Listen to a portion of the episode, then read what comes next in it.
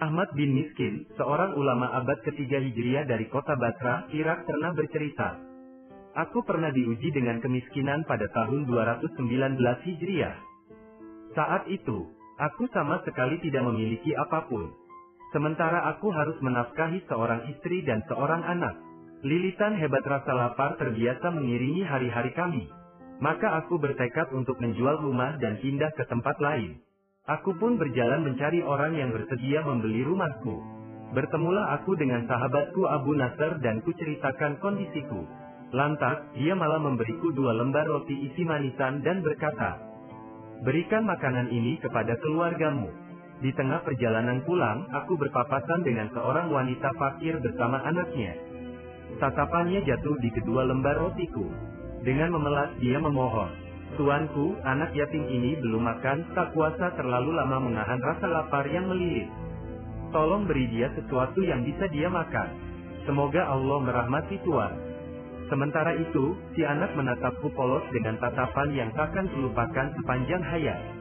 Tatapan matanya menghanyutkan pikiranku dalam hayalan urawi. Seolah-olah surga turun ke bumi. Menawarkan dirinya kepada siapa pun yang ingin meminangnya dengan mahar mengenyangkan anak yatim miskin dan ibunya ini. Tanpa ragu sedetik pun, kuserahkan semua yang ada di tanganku. Ambillah, beri dia makan, kataku pada si ibu. Demi Allah, padahal waktu itu tak sepeser pun dinar atau dirham ku miliki. Sementara di rumah, keluargaku sangat membutuhkan makanan itu. Kontan, si ibu tak kuasa membendung air mata dan si kecil pun tersenyum indah bak purnama. Kutinggalkan mereka berdua dan kulanjutkan langkah gontaiku. Sementara beban hidup terus bergelayutan di pikiranku. Sejenak kusandarkan tubuh ini di sebuah dinding, sambil terus memikirkan rencanaku menjual rumah. Dalam posisi seperti itu, tiba-tiba Abu Nasr dengan kegirangan mendatangiku. Hai, Abu Muhammad, kenapa kau duduk-duduk di sini sementara limpahan harta sedang memenuhi rumahmu? Tanyanya. Subhanallah, jawabku kaget. Dari mana datangnya? Tadi ada pria datang dari Kurasan.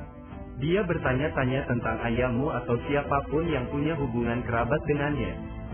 Dia membawa berduyun-duyun angkutan barang penuh berisi harta ujarnya. Terus, tanyaku keheranan.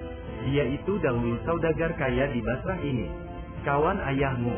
Dulu ayahmu pernah menitipkan kepadanya harta yang telah ia kumpulkan selama 30 tahun. Lantas dia rugi besar dan bangkrut. Semua hartanya musnah, termasuk harta ayahmu. Lalu dia lari meninggalkan kota ini menuju Khurasan. Di sana, kondisi ekonominya berangsur-angsur membaik. Bisnisnya melejit sukses. Kesulitan hidupnya perlahan-lahan pergi, berganti dengan limpahan kekayaan. Lantas dia kembali ke kota ini. Ingin meminta maaf dan memohon keikhlasan ayahmu atau keluarganya atas kesalahannya yang lalu. Maka sekarang, dia datang membawa seluruh harta hasil keuntungan niaganya, yang telah dia kumpulkan selama 30 tahun berbisnis. Dia ingin berikan semuanya kepadamu, berharap ayahmu dan keluarganya berkenan memaafkannya. Dengan perubahan drastis nasib hidupnya ini, Ahmad bin Miskin melanjutkan ceritanya. Kalimat puji dan syukur kepada Allah berdesakan meluncur dari lisanku. Sebagai bentuk syukur, segera ku cari wanita fakir dan anaknya tadi. Aku menyantuni dan menanggung biaya hidup mereka seumur hidup. Aku pun terjun di dunia bisnis seraya menyibukkan diri dengan kegiatan sosial. Sedekah, santunan dan berbagai bentuk amal saleh. Adapun hartaku terus bertambah melimpah ruah tanpa berkurang. Tanpa sadar, aku merasa takjub dengan amal salehku. Aku merasa telah mengukir lembaran catatan malaikat dengan hiasan amal kebaikan.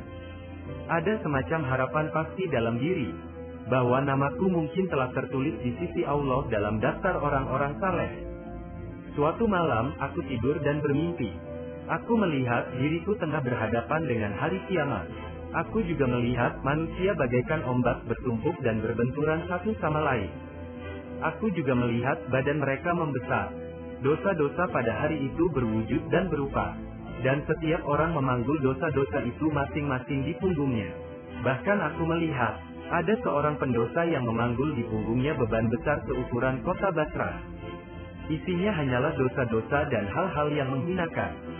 Kemudian, timbangan amal pun ditegakkan, dan tiba giliranku untuk perhitungan amal.